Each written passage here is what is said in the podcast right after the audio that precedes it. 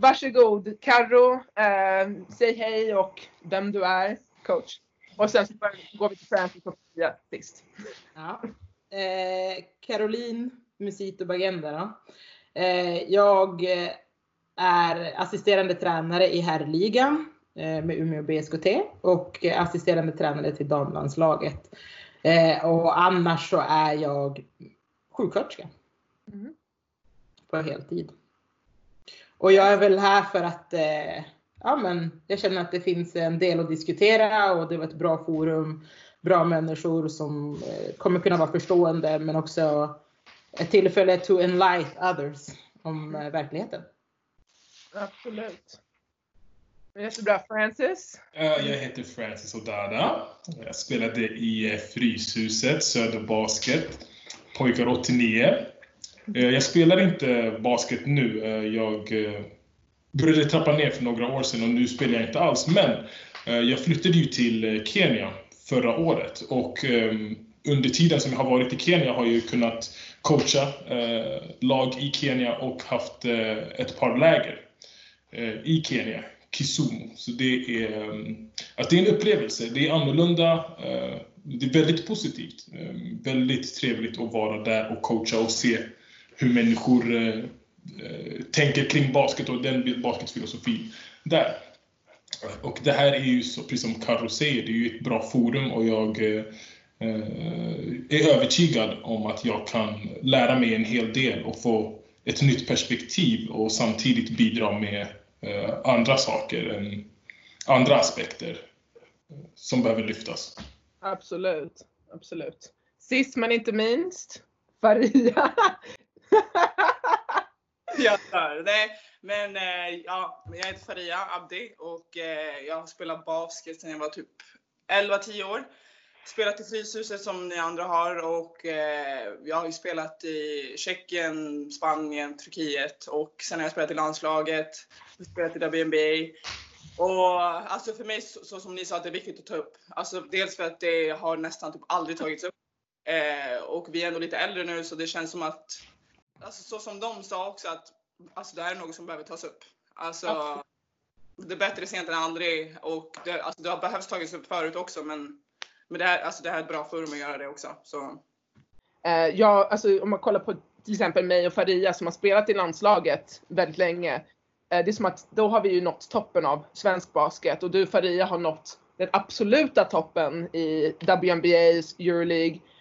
Um, så även om vi har nått de här framgångarna i vår karriär så är det inte som att vi har varit skyddade från saker som har pågått eller liksom att man har, man är inte som att vi inte har sett någonting. Men det är därför jag tycker det är jätteviktigt att vi pratar om det och också påminna människor som kanske lyssnar på det här, speciellt yngre, att det spelar ingen roll vilken nivå du är på.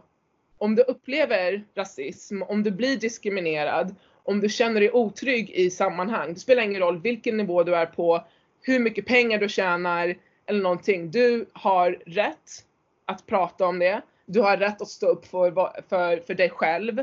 Också att söka hjälp, för ibland så har man verkligen inte ork eller kanske kunskap och vetskap om vad man gör i sådana här tillfällen. I som en ungdomslandslagssammanhang. Vad händer när man blir utsatt eller om man hör någonting eller ser någonting? Vad gör vi då?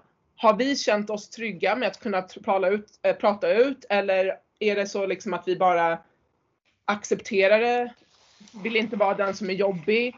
Uh, och hur påverkar den? Uh, vi kan vända det liksom till Francis och Faria. Vill ni bara liksom prata lite öppet liksom om saker som ni har själva upplevt eller sett? Alltså för mig var det mest typ, alltså när man kommer till Fryshuset, då är det så här, ah, då tror man att det är så där det ska vara överallt. Då tänker man ju så, ah, men det är inte, det, alltså det, ah, det är så här det ska vara. Och sen när man går till landslaget, som tur så hade jag ju med mig några, alltså några från frysen. Då kände jag mig fortfarande hemma, alltså till en delvis. Men eh, det var typ så här, det kändes konstigt, men man tänkte inte på det då. Nu när jag tänker efter, då ja ah, men det där var ju fel. Men Mm. det var typ så att man kände så här, ja men jag, men jag håller kvar till de här som, är, som kommer från frysen och är, är med i landslaget. Men sen om de skulle bli kattade, då, då var det så att man blev exposed, alltså to the reality typ. Mm. Då tänkte man ju på så här, ja men, men så länge jag har frysen så då är jag good liksom. Men Ja. Då vågar man ju inte steppa fram och se för man visste inte vad som var fel eller rätt. Man tänkte typ, ja men ska det så här, alltså, ja men så här ska det vara i landslaget och, och, så här ska det vara i frysen. Nu när Mm. man är äldre, ja men det där var ju helt messed up. Men eh, för mig var det mest, alltså när jag var yngre i landslaget, då var det mest att jag var muslim. Då var det så här, Ja. svart Mm. och då blir det så här, oh shit. För när vi var U16 och U18 då, då var vi för, alltså bara svarta spelare. Vi kanske hade några enstaka liksom. Jag blev exposed till, alltså till rasism när det blev damlandslaget.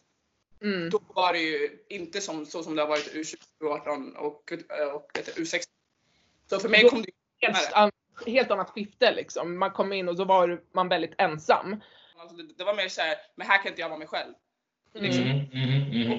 Dels på basketplanen, för det var så här, ja, men det är inget snack om saker. Då, alltså, då kör ju alla tillsammans. Man är liksom jag mer utanför. Då tänkte man så här, ja, men för, jag kunde hålla tillbaka. Men, men jag tänkte så om, om jag kan hålla tillbaka lite, men jag var tvungen att hålla tillbaka helt. Liksom, så här. Mm. Jag är här, jag ska vara som alla andra. Liksom, så här, hej, hej, hur mår du? Men, och det, och för, för först tänkte jag så här, ja, men jag har inte mina kompisar med mig. Ja. Men det är inte om det efter ett tag. För då har det gått några läger, det har gått, jag ska ju fortfarande försöka, alltså försöka känna mig hemma efter ett tag. Men Mm. så, alltså, alltså, det blev aldrig så. Så då var jag bara så här: okej så här är jag med landslaget och, och så här är jag när jag är i frysen eller när jag är där eller när jag är där. Och sen hur blir det då? Alltså, jag tänker, hur påverkar det ens prestation? Alltså det, för det, vi kan ju prata om um, vi kan ju prata om hur länge som helst att liksom, ja, men på, på, på plan då kör vi och då är vi tillsammans. Men det psykologiska aspekten att hålla sig själv tillbaka, det, på, det måste det kan, alltså, det måste ju påverka en i hur man spelar och hur man känner sig trygg i, i en grupp. Så jag tror att det kan absolut påverka Eh, alltså om jag bara tänker efter. Jag vet inte om ni andra känner, alltså kan känna igen det eller kommentera på det. Liksom, hur det påverkar att inte känna sig trygg eller vara sig själv. Och sen att man ska spela och prestera på den högsta nivån. Men man har den här liksom obekväm, alltså obekvämlighetskänslan. Jag, eh, jag skulle kunna säga så här, från mitt perspektiv så, så var det aldrig att det spillde över. Mm. Eh, Men, men innan, innan jag går vidare på, på den tanken så tänkte jag eh, prata om det som Farias gick in på alldeles, eh, alltså lite kort där. Och du, det är ju det att du är på ett sätt i landslaget och du är på ett annat sätt när du är i frysen. Och det är ju för att dualism är ju besvärande inom, i Sverige generellt, men i basket-Sverige så blir det ännu mer specifikt för du representerar Sverige. Precis. Det finns inte plats för att du ska vara svart och svensk. Mhm. Utan du, måste, du är bara svensk. Men du blir ju inte behandlad som en svensk. Mm. Vilket, vilket skapar en enorm förvirring. Eh, en annan sak som jag tänkte på, eh, för att undvika att jag upprepar mig själv, eller upprepar det som sades på det förra programmet. Men jag och Kassim var ju i samma landslag. Så allting som han pratar om, jag var där. Liksom, jag, jag, var, jag var där. Och då, då tänker jag så här, att jag ska ge en, en nyans. Ja, Kassim, Kassim är ju född i Uganda. Mm. Jag är född i Sverige. Mm. Kassim är enligt lag en invandrare. Mm. Jag är svensk. Mm. Och det var ju det som skilde oss åt eh, stundtals. Eh, för att jag var ju assimilerad till det svenska samhället. Mm. Kassim var integrerad in till det svenska Exakt. samhället. Mm. Och det är ju det som krävs. Eh, Jag vet att jag blev ju bemött på ett annat sätt för att eh, jag bröt inte så som Kassim gjorde. Eh, Jag hade en fin svensk röst och talade god svenska som jag hade lärt mig genom att kolla på tecknat och de här svenska röstskådespelarna som lärde mig 417 och kors i taket och alla de där svenska uttrycken. Och man hör ju redan hur jag ändrar rösten direkt. Det kommer, det per automatik så Mm. blev det. Och jag kommer ihåg en incident speciellt som fick mig att förändra hur jag såg på Basket-Sverige och det var mitt hår. Ni kommer ihåg, jag hade ett stort afro. Ja. Mm. Ja, och eh, jag var i, eh, i hallen och vi hade, man har gått och duschat lalla, så tog jag min kam, så tog jag kammen, la den i håret, gick till, det var i Södertälje och du vet att man duschade i hallen och så kunde man bo um, lite längre bort. Ja, i gård eller i... Ja, eh, vad, vad det nu var. Ja. Ja, och så från hallen dit, vad kan det vara, 500 meter, tar min eh, kam, lägger den på sängen, går och käkar lunch och så var det med det. Eh, på kvällen har vi träning. Jag blir tagen åt sidan och då säger en coach så här, vet du vad Francis? Vi har pratat, vi har haft möte och vi tycker inte att det är lämpligt att du går runt med kam i håret. Och jag kommer ihåg hur jag brann. För som sagt, jag hade assimilerat till det svenska samhället. Jag hade gett upp min identitet, mm. min kultur för att passa in. Men det var inte tillräckligt. Utan nu måste du, du vi vill ha mer. Vi vill att du, du ska inte göra ingenting av din mm. kultur. Vill vi ha här. Och det ändrade mig. Det ändrade hur jag såg på, eh, på svensk basket. Eh, och jag tror att det, det, är en av skillnaderna, eller nyanserna till hur Kassim upplevde eh, Basket-Sverige och hur jag upplevde Basket-Sverige. Eftersom jag hade ju redan alltså, gått in i det helhjärtat. Jag är svensk. Frågade du mig, vart kommer du ifrån? Sverige.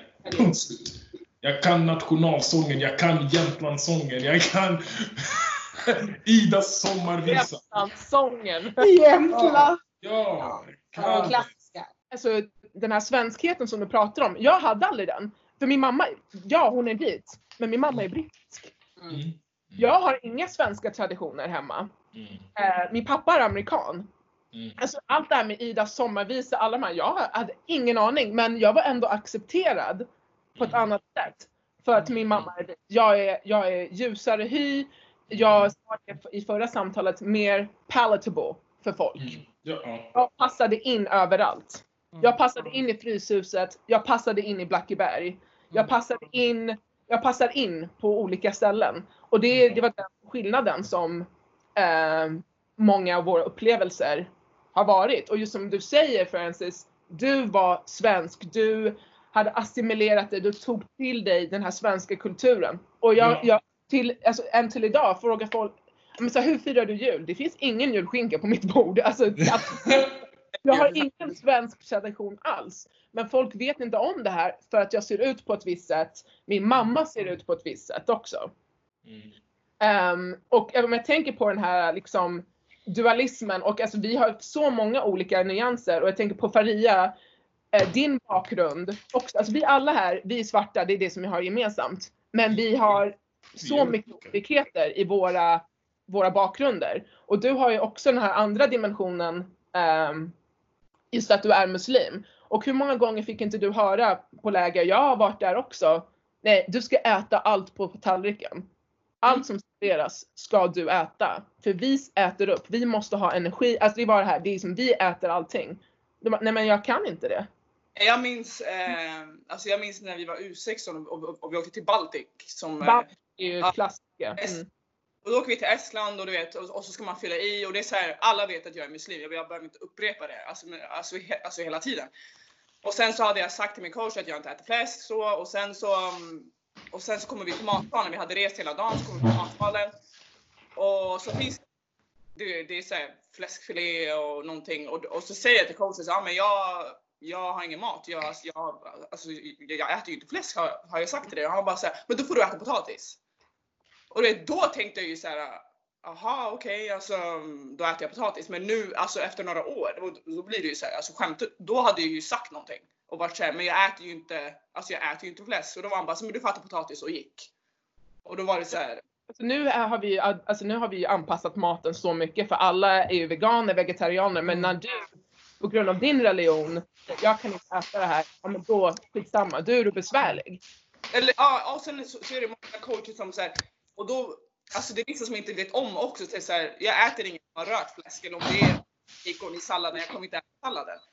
Då, då, då, då har det varit någon coach som säger ah, men det är bara, det är bara att ta ut bitarna och det är så här, men du har ju ingen respekt nu. Du måste ju fråga, alltså man måste ju, de så antar bara direkt istället för fråga, så ah, kan äta det här även fast det har rört liksom. Och så har det varit ständigt. Jag har ju blivit van så jag är bara såhär, nej jag äter ingenting som har rört fläsk eller någonting som har Mm. så. Så jag var såhär, okej, okay, men vet du vad, jag orkar inte alltså ge dig kunskap när du är typ 20 år äldre än mig. Liksom. Men nu hade jag gjort det. Men Ja. alltså, 16 tänker man ju inte på det. Vi alla brinner ju för basket. Det är ju därför vi spelar. Vi älskar basket. Och så jag tänker på hur mycket har man inte haft det här hängat över, alltså, alltså hänger över en. Men om man är besvärlig eller om man skapar problem, alltså vi kan, du, kan, du kommer bli kattad. Hur många gånger liksom man, de håller den här liksom att du kan bli kattad. Mm. Ja. eh, över ens Jag hade inte Ja. förvånad. Alltså, jag hade ju inte blivit förvånad över om de var såhär, men hon är muslim och vi orkar inte med hennes mat, alltså preferenser, så vi, vi tar bort henne. Typ så. Alltså, det hade, Ja. jag, hade aldrig, jag hade aldrig blivit förvånad över det. Det är såhär att de orkar inte, alltså, Anpassa. och fråga liksom. Det är såhär, ah, men vi tar bara en som äter allt. Kom. Följ med. Vi tar en allätare. Vi Ja, hade, vi hade en broder. Jag kommer ihåg, eh, nu hade jag spelat i ungdomslandslaget ett par, ett par år nu, så jag, jag var etablerad kan man säga. Just. Jag startade hit och dit och min broder då, han hade, det var hans första läger, eller andra läger. Och så när han hade blivit kattad och kommit tillbaka Mm. och så satt vi, det, svart, ett, några svarta spelare, tog jag tre, fyra stycken, vi satt vid ett bord, eh, åt lunch och lalla. Och han ville sitta med oss. Mm. Och han tog sin bricka och vi sa "Äh, kom, sätt dig här broder. och han, han kollade på oss. Han bara nej. Och för om jag sitter med er, då kommer de tro att jag är som er och jag har inte råd. Jag måste sätta mig med, dem, med svenskarna. Så att de ser mig på ett annat sätt. För ni, har, ni är etablerade. Ni kan bete er på ett annat, alltså bete er svart. Ja. Så att, så att säga. Mm. Men jag kan inte. Jag måste in i den här rutan. Och det är någonting som vi alla gjorde. Vi alla gick igenom den processen. Att vi förminskade oss själva. Mm. För att vi ville inte, och det här har vi också gjort, vi ville inte skrämma de vita. Ja, vi alla. Jag, jag vet att ni också har gått igenom det här. Och vi har helt skilda liv. Mm. Vi har vitt skilda liv och ni har hört det här. Skräm inte de vita. Mm. Och det, det var det min, min, min, min broder, han ville inte vara en läskig svart man. Han gick och satte sig med de vita istället. Ja men det var, det var exakt så här när vi var, jag vet inte vad U16 eller U18. Då var det många på frysen och då blir det automatiskt att vi hänger. Och då, Ja. var det svarta, då blev det ju alla, alltså alla svarta som, som hängde. Och sen var det ju några från Luleå och sådär som också hängde. Mm. Och då, vi var ju liksom högljudda, skrattade, för vi har ju känt varandra sedan vi var små. Då är det ju automatiskt att man är som vanligt, som, som att vi är hemma i frysen. Och, Mm. då var vi på båten och, och vi skulle äta här. Mm. Och sen, så, och sen så sitter vi alla där. Och sen så går de här tjejerna från Luleå eller Norrköping och, och går och sätter sig där. Och Mm. vi har inga problem med det. Vi sa, men de kan komma hit och sätta sig, det är inga problem. Men, och då så, så kom det en ledare till oss och, och, och var så här, men ni måste bjuda in dem, liksom, ni måste gå och hänga med dem också. Ert problem. vi! Då är jag så här, Ja. varför kan inte du gå till dem och säga komma och sätta sig här? För vi, och då, då är det ju den här, men ni är så högljudda och ni skrämmer säkert dem. Mm. Vi är läskiga. Ja, Då var det här, men fattar de inte att vi har känt varandra sedan, sedan vi var 10 år och vi har jättekul tillsammans? Då borde de ju tänka så här, ja ah, men shit vad kul, men kommer vi gå och sätta oss här? Och då, nej men den här ledaren var bara så ah, men, men, ni, men ni måste vara inbjudna liksom, och, ah, men, ah, men ta dit henne eller henne liksom sådär. Inte att ni sitter och ni har en grupp, men ni, även om ni kanske var majoriteten i det laget, ni måste ändå vara de som anpassar er till de andra. Det är ju det som är det så himla intressant, att oavsett om vi är majoriteten i ett lag, eh, men vi är minoriteter i samhället, så vi är alltid de som måste förminska oss för att passa in i den här strukturen eller den här normen. Alltså jag, jag har ju varit på ungdomslandslagen eh, U15 och U20. Och när jag skulle till damlandslaget var det en av sakerna som jag bara ja, jag vill gå dit nu. För just nu representerar faktiskt damlandslaget något jag kan stå för. Jag bara, det kanske inte gör det sen. För det ser inte ut som att vi har jättemånga som kommer underifrån av mångfald. Det var det Felicia pratade om att i framtidslandslaget som hon var med i Hon var den enda. Mm. Och extremt- U15 jag hade, hade vi en. Och grabbarna hade en på två läger, en var. Jag bara, hockeyn hade också en. Hur är det möjligt? Det är för mig blir jag så chockad för när jag, alltså U16 båda åren, U18 båda åren, U20 båda åren, alltså vi var fler svarta än vita. Varje, alltså varje läge, var, hela tiden. Så för mig, när jag kollar på landslaget nu, då är jag så här. vad har hänt? Vad, vad hände med liksom, och då så tänkte jag på riktigt, jag bara, det kanske bara var vår generation. Det kanske, alltså, för jag kollade inte på andra landslag då. Men jag kollade inte på att det inte U16. finns talang. Då undrar man vad är det som är, vad, varför är det att folk kanske slutar? Varför är det så att folk kanske inte investerar i vissa spelare längre? Um, och varför var, alltså den här, just den här generationen, alltså okej vi kan inte ta bort, ni var extremt talangfulla. Alltså ni, uh, absolut, det, det är ju två personer från den åldersgruppen som har spelat i WNBA. Du var 19 år när du var draftad. Det är, alltså, det är fantastiskt, det är ovanligt. Mm. Men det är inte så att det inte finns några som är talangfulla nu. Så min, vad är det som har hänt under den här tiden? Varför har vi inte fortsatt liksom med samma trend eller varför speglar inte landslaget längre vår mångfald? Det är ja, alltså. nu, nu när du nämnde mångfald, jag kommer ihåg när vi var U18 eller U20, då så skulle vi ta en bild, så här, lagbild. Och då hade vi svart bakgrund, du vet sådana som, som, som Mm. de fäller ner. Och vår coach bara, ah, men alla ni som är svarta måste sitta ner. Och vi bara, och, och, och jag minns att det var jag som frågade, jag bara, för det? Jag bara, för vi alla stod upp, så här, jag stod upp, någon satt ner liksom sådär. Vänta, Och han bara, nej alltså ni kommer, ni kommer smälta in i bakgrunden. Jag hade en coach för samma sak.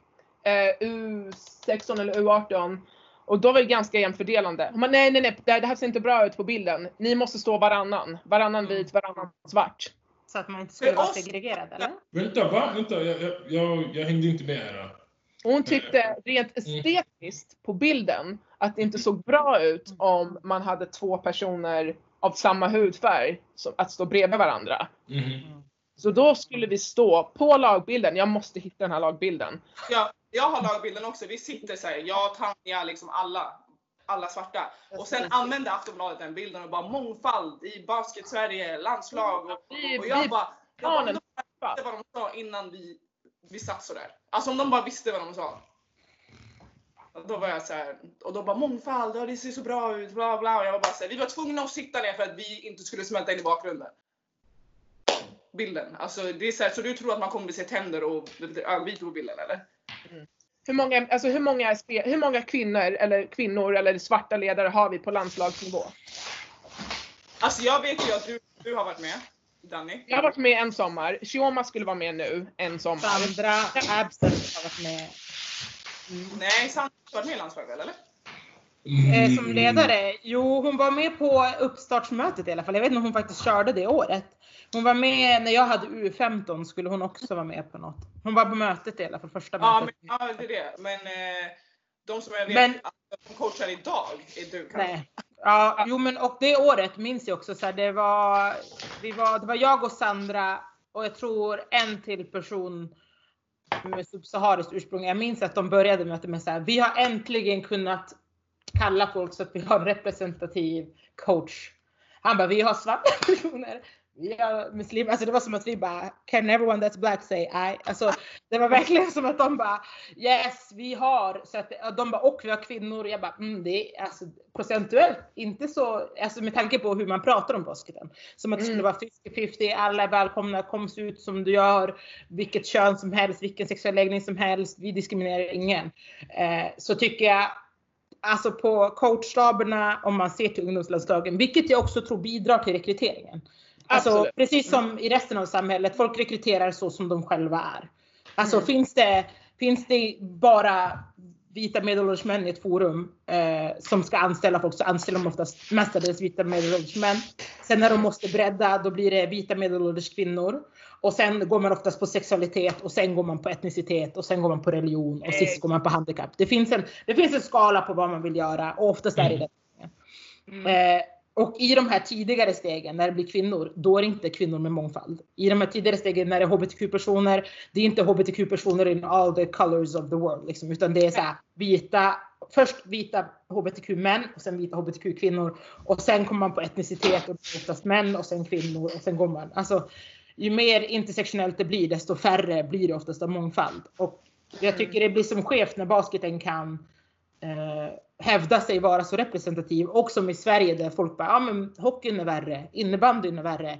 Jo men det är klart de är värre om de har 10, 10 svarta på 20 årskullar.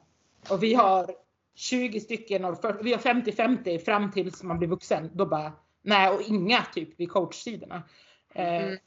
Det har ju varit för mig ett problem. Jag var ju inte säker på att säga ja till damlandslaget. Förutom att jag tyckte att just nu så Mm. var truppen eh, mycket mer representativ för mig. Mm. Och jag tänkte så här, om det blir någonting, då har jag ändå några stycken där got my back, så vi kan ha samma issues.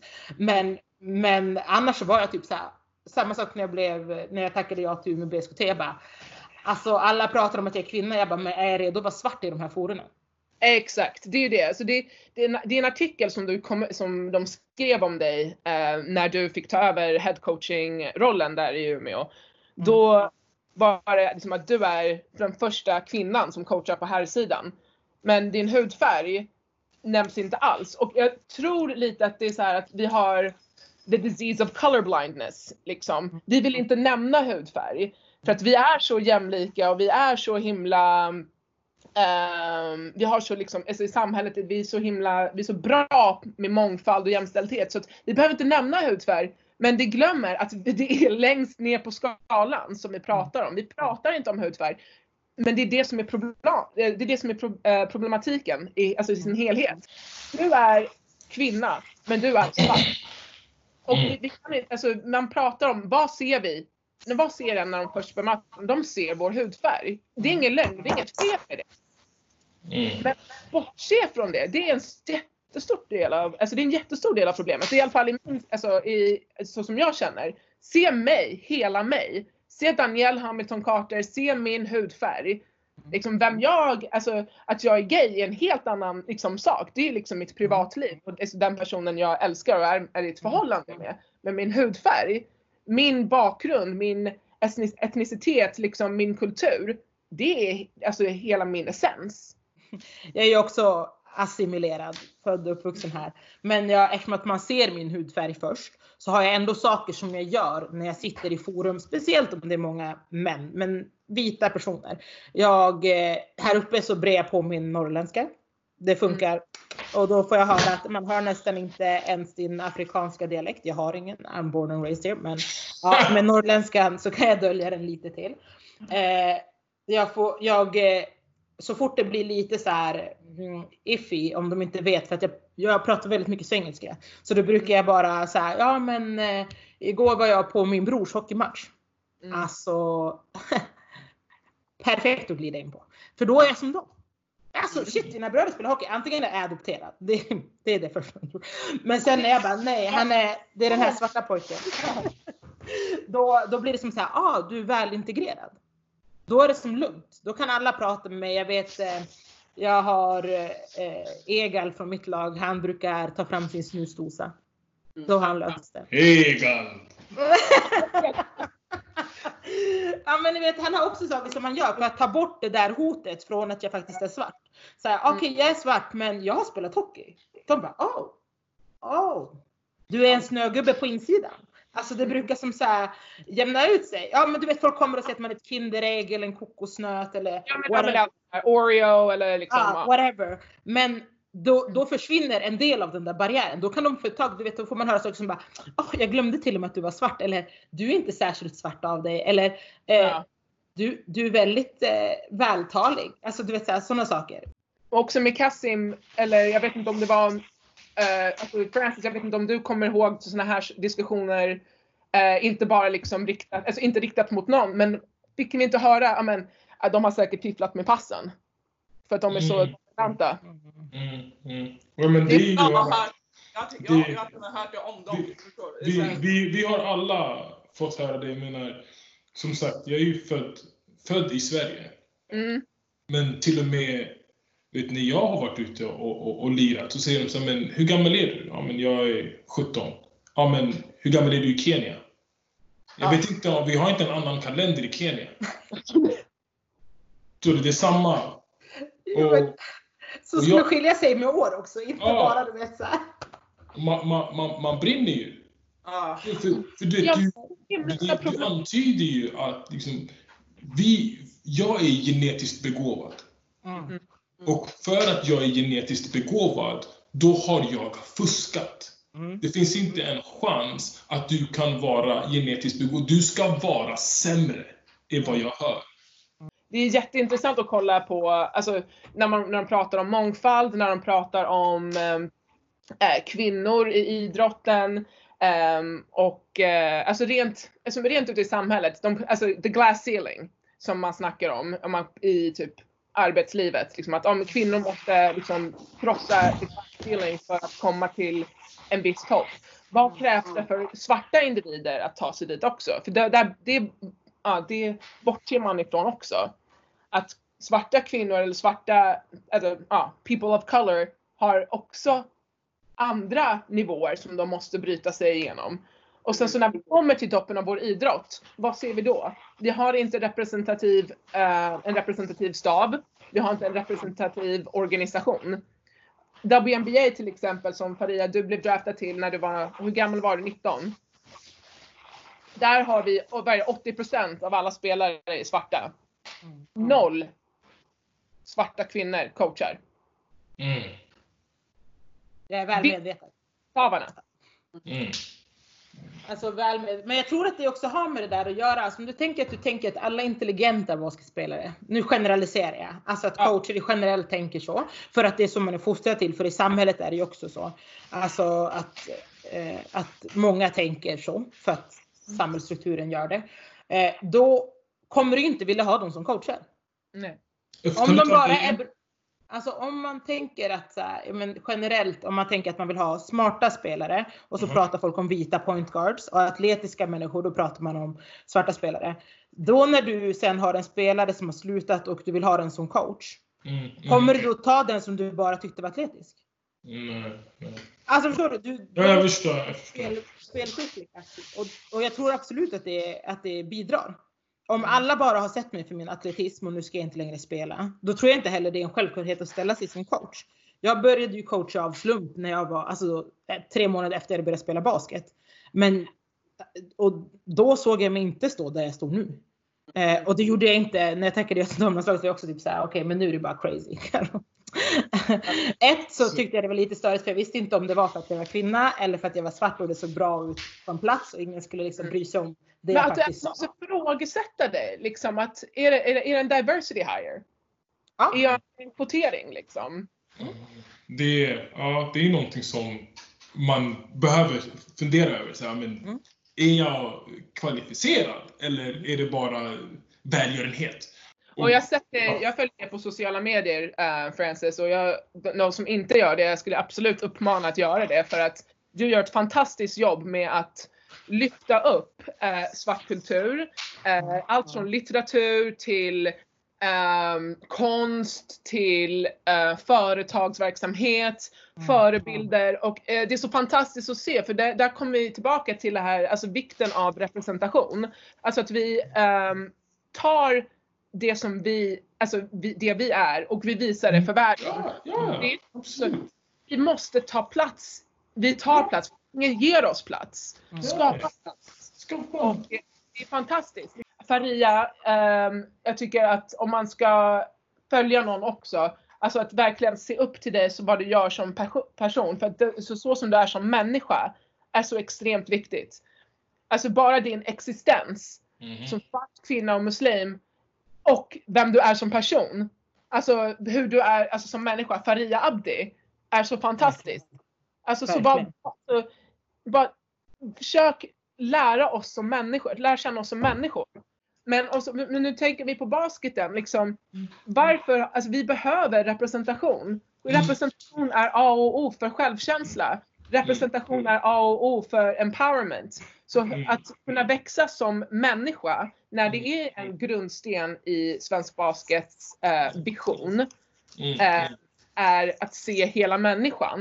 mm. Hur kan vi se hela människan när det inte finns någon som ser ut som oss, som förstår oss. Mm, mm, mm. Och Faria, du hade en fantastisk debattartikel i DN där du pratade om ehm, det här med att, eh, varför det var förbjudet att, i sjal. att ha sjal. Mm. Då Mm. tänker jag är absolut, jag är inte muslim, jag är inte religiös alls. Men om jag tänkte så här, om jag, om jag var det, även om inte jag, ba, ehm, eh, även om inte jag ville själv bära slöja. Om jag som mamma skulle skicka mina barn till en organisation där de säger du får inte bära slöja. Men då tänker jag per automatik, det här är inte för mig. Det här Mm. Är inte för mig. Ja, men exakt, det var exakt så som jag tänkte. Och så tänkte jag så här, vi säger att jag hade, men helt plötsligt vill jag ha sjal nu. Mm. Då hade jag inte fått spela i landslaget, då hade inte jag fått spela idag. Alltså då är det så här, man, de tänker ju bara på de här barnen som inte, alltså, som inte är på den nivån. Absolut. Mm. Ja men jag kan ju he, alltså, helt nu vara såhär, men vet du vad? Jag vill ha sjal på mig för jag känner att det är rätt väg. Men jag kanske väljer att ha det om, om inte, alltså ett år, om, om en månad. Ska jag inte få spela då? Och det var det de inte, tänker inte steget längre. Det är ju såhär, det finns muslimer som spelar just nu i U16, U18, var som helst. Bara för att de inte har sjal så tänker de inte på det. Så ja men de, de är good. Men att, att de ska säga till en tjej som spelar basket att hon inte får spela på grund av hennes sjal. Och jag hade en debatt, eh, eller men jag satt och diskuterade med några en gång om det här. Och då så började han säga liksom så ah, men vadå? Det är som att jag skulle ha en superman direkt på mig när vi spelar basket. Där. Och jag var så här. Jag sa ingenting. Jag var sa- höjd. Jag var så här. Oj. Ja, du förtjänar inte mina ord. Jag tog mitt pick och pack och bara gick. För jag var så här, vet du om att du pratar med muslimer? Så min mamma har sjal, mina systrar har sjal. Alltså min kusin har sjal. Det är så här, för mig var det bara så här. Nej men det är extremt förminskande. Ja, jag var bara så här, Extremt förminskade. Alltså, jag var bara så här, alright. Mm. Ja, alltså man vill inte ens gå in i den här diskussionen. Jag var så här, du ser bara dum ut just nu. Du är dum, tänkte jag i mitt huvud. Sen så Ja. så gick jag bara därifrån. Jag var bara så här, I'm not even gonna do this right now. Typ så. Alltså det var som Francis sa innan vi började det här med så här, eh, det finns en viss nivå där man bara, okej men om du, om du kan uttrycka dig så, då är det inte svårt att ge sig in i diskussionen. Precis. Mm. Alltså, det, det, jag kommer lägga energi och tid, du kommer inte vara värd det, du kommer troligtvis ändå säga samma sak sen. precis. Ja. Mm. Ja, exakt. Så jag måste ju Mm. bära det här med slimhållet och det här med, alltså, alltså det här med svarta. För folk fattar ju inte både Mm. jag är svart och att jag är muslim. Det it doesn't make sense. Men, eh, bara, bara på att eh, expandera på den där tanken när det gäller eh, nivåer och vart man lägger ribban.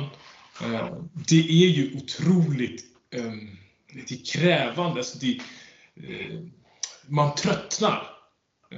Jag, Mm. tror, jag tror det är många av oss som inte riktigt förstår hur trötta vi blir av att gå in i sådana här diskussioner. För vi gör ju det för att vi vill kämpa och vi vill, att, vi vill nå ut. För man Det här- vill ju det. Det här handlar ju inte om, det här är inte någon politisk fråga liksom. Det är Moderaterna mot Socialdemokraterna. Det här är vårt liv. Det här är ja, vår existens. ja, Alltså, det, hade varit, det hade varit jobbigare att alltså, gå in i den, den diskussionen än att spela en 40 minuters match. Ja, det, det är Så det så blir, exakt. Precis, det är så krävande. Och någonting som jag har tänkt på väldigt mycket de senaste åren är att vi som svarta människor, vi blir ju lärda att vi ska kämpa, speciellt vi som bor i Europa och i Mm. västvärlden. Vi ska kämpa för att ta plats och vi ska krossa rasismen. Men jag har ju helt och hållet ändrat min tankeställning kring det. För att krossa någonting kräver aggression. Alltså du måste gå och vara aggressiv och du måste vara vaksam hela tiden. Ja. Och det, vi kan ta det från eh, eh, alltså rent eh, bokstavligt. Om jag ska gå och krossa den här väggen bakom mig. Jag måste gå in med, med aggressivitet. Jag kan inte vet, så här, picka lite på Jag måste gå in. Mm. Förlåt? Och hur mycket skadar du dig själv? När Ja, du, om du krossar den rent fysiskt? Ja. Rent fysiskt, jag, går, jag ska krossa och det gör ont. Och det är som sagt, det blir ju ett självskadebeteende längre Mm. fram. Och, och det är därför jag uppmanar alla svarta människor till att försöka bygga saker istället. Låt oss bygga upp varandra. Låt oss se till att vi tar saken i våra egna händer. Mm. För att gå ut och krossa saker, man, vi kommer krossa oss själva till i slutet av dagen. Mm. Men om vi kan göra det här som vi gör Mm. och sitta här och diskutera. Ja, men hur kan vi ta oss från A till B? Ja. Och komma på att, ah, men vet du vad? Någonting som Kasim, Kasim gör någonting fantastiskt. Han gör drömstort. Fantastiskt, fantastiskt.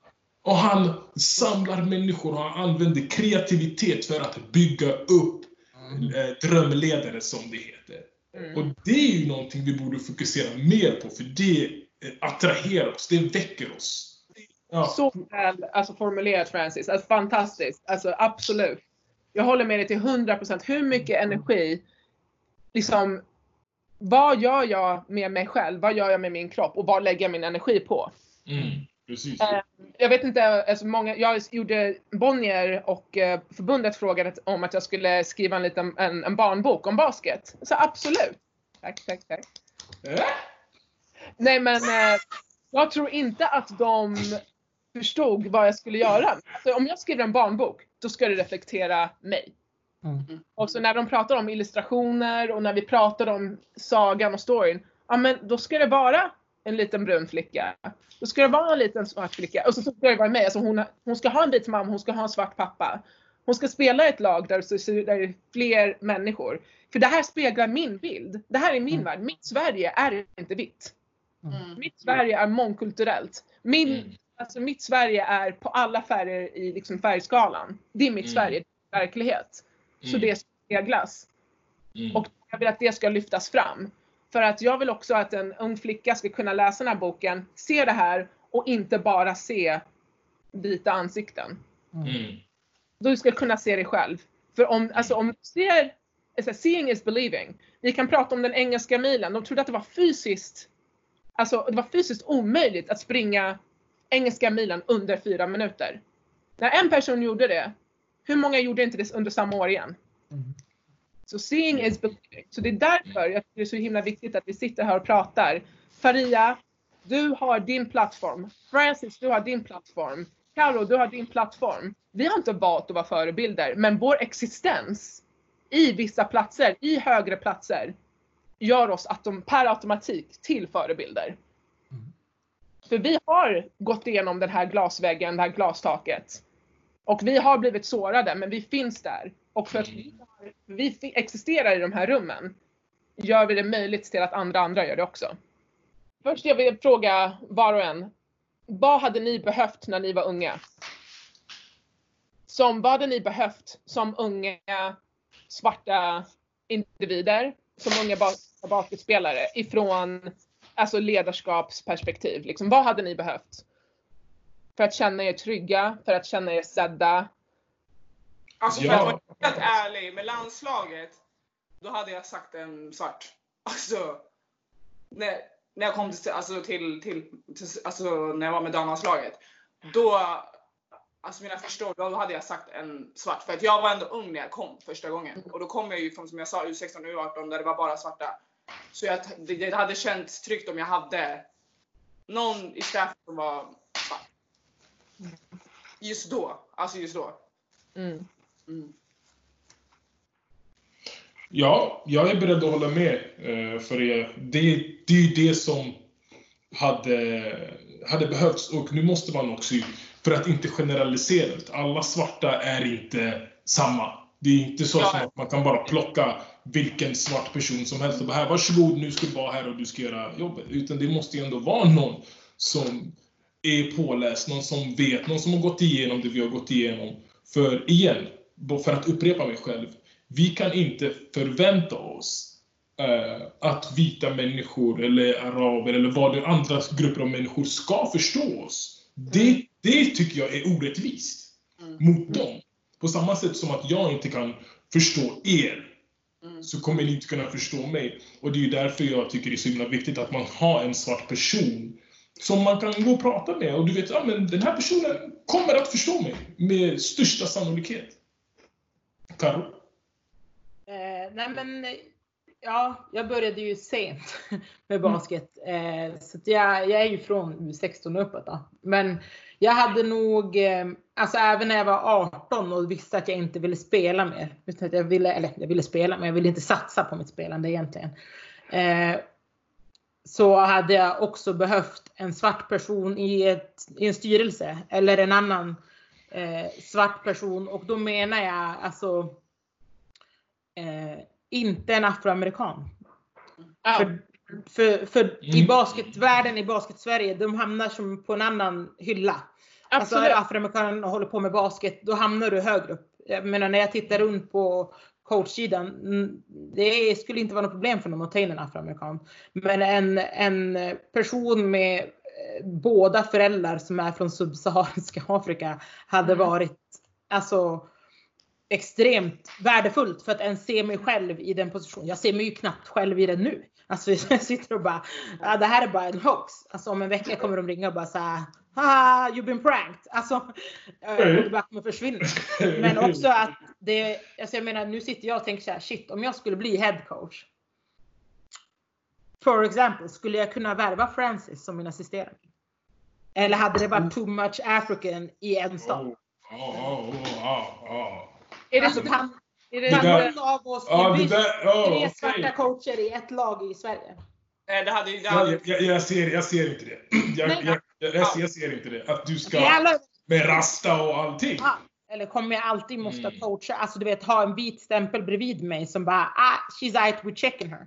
Mm, Eh. mm, mm, mm, mm. Ett Det, liksom, där var en jätte, jättebra eh, punkt faktiskt. man behöver en som är svart i staffen för att vissa kanske känner som jag, även fast jag har haft alltså den här coachen, andra coachen i flera år. Men jag kommer även gå till det för att jag känner mig alltså jag känner att vi kan förstå varandra bättre. Ja, Jo, men så är det. Ja, det händer i mitt lag också. Vad sa Alltså, du? I herrligan, I händer det också. Folk kommer till mig för att, alltså, eh, och vissa tror att det är att folk inte respekterar mig som coach utan att vi bara är buddies. Men det blir en helt annan grej. Jag hade också gått till mig. Alltså, ja, när, ja. jag, när jag undrade om så här, ja men eh, jag hade, när jag var med, eh, när vi hade tagit bilden eh, med, med uh, Wakanda for life eh, på OS-kvalet. Nej men då var det också så här, jag bara shit, om jag lägger upp den, blir jag för svart? Blir jag för stolt över så? Alltså jag gick jag bara, du Kalis, vad säger ni? Jag bara, ska jag bara skriva att jag är kvinna eller så, vad, vad tycker du?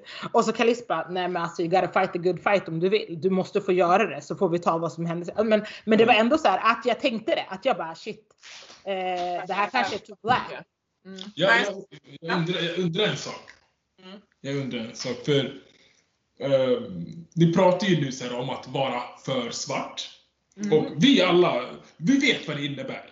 Mm. Men för människor som inte förstår, då är det ju väldigt subjektivt, väldigt diffusa termer. Men då kan jag säga så här, eh, då kan jag ställa er den här frågan. Men hur länge ska ni behöva tänka på att inte vara för svart? Mm. Alltså när kommer ni säga så här, vet du vad? Jag kommer lägga upp, precis som du säger, the good fight. Jag kommer lägga upp det jag vill. Om jag kommer med och representerar hela Afrika, då kommer jag göra det och då kommer jag leva med konsekvenserna. För någonstans där så känner jag ju också att det behövs. För Mm. vi är ju också delaktiga i att förminska oss själva. Ja, ja. Ja, vi, vi gör ju också det. Så här, Hey, Karo, du kanske borde tänka på, du vet, inte ha på dig de där, där, där, där, där. För att, du vet, ey, sh, skratta inte så högt. Ha inte så kul, du vet. För, du vet, du kommer... Eh, och då, då, frågan är ju, när kommer det att sluta? När kommer vi att sluta göra det? när vi pratar om mångfald och inklusion, det är inte mångfald om jag måste vara på ett visst sätt i ett visst forum. Då är det inte mångfald. Då är jag inte mig själv. Nej. ska verkligen vara ett inklusivt alltså, samhälle, det ska vara en inklusiv organisation. Då ska ni acceptera mig och allt som betyder att vara Daniel. Och sen så, okej, absolut, alltså man måste ju, alltså lagdynamik och allt så- alltså jag är, kom igen, det är en helt annan grej. Men vi ska kunna vara oss själva. Mm. Vara, Ja. svenska landslaget och vara oss själva.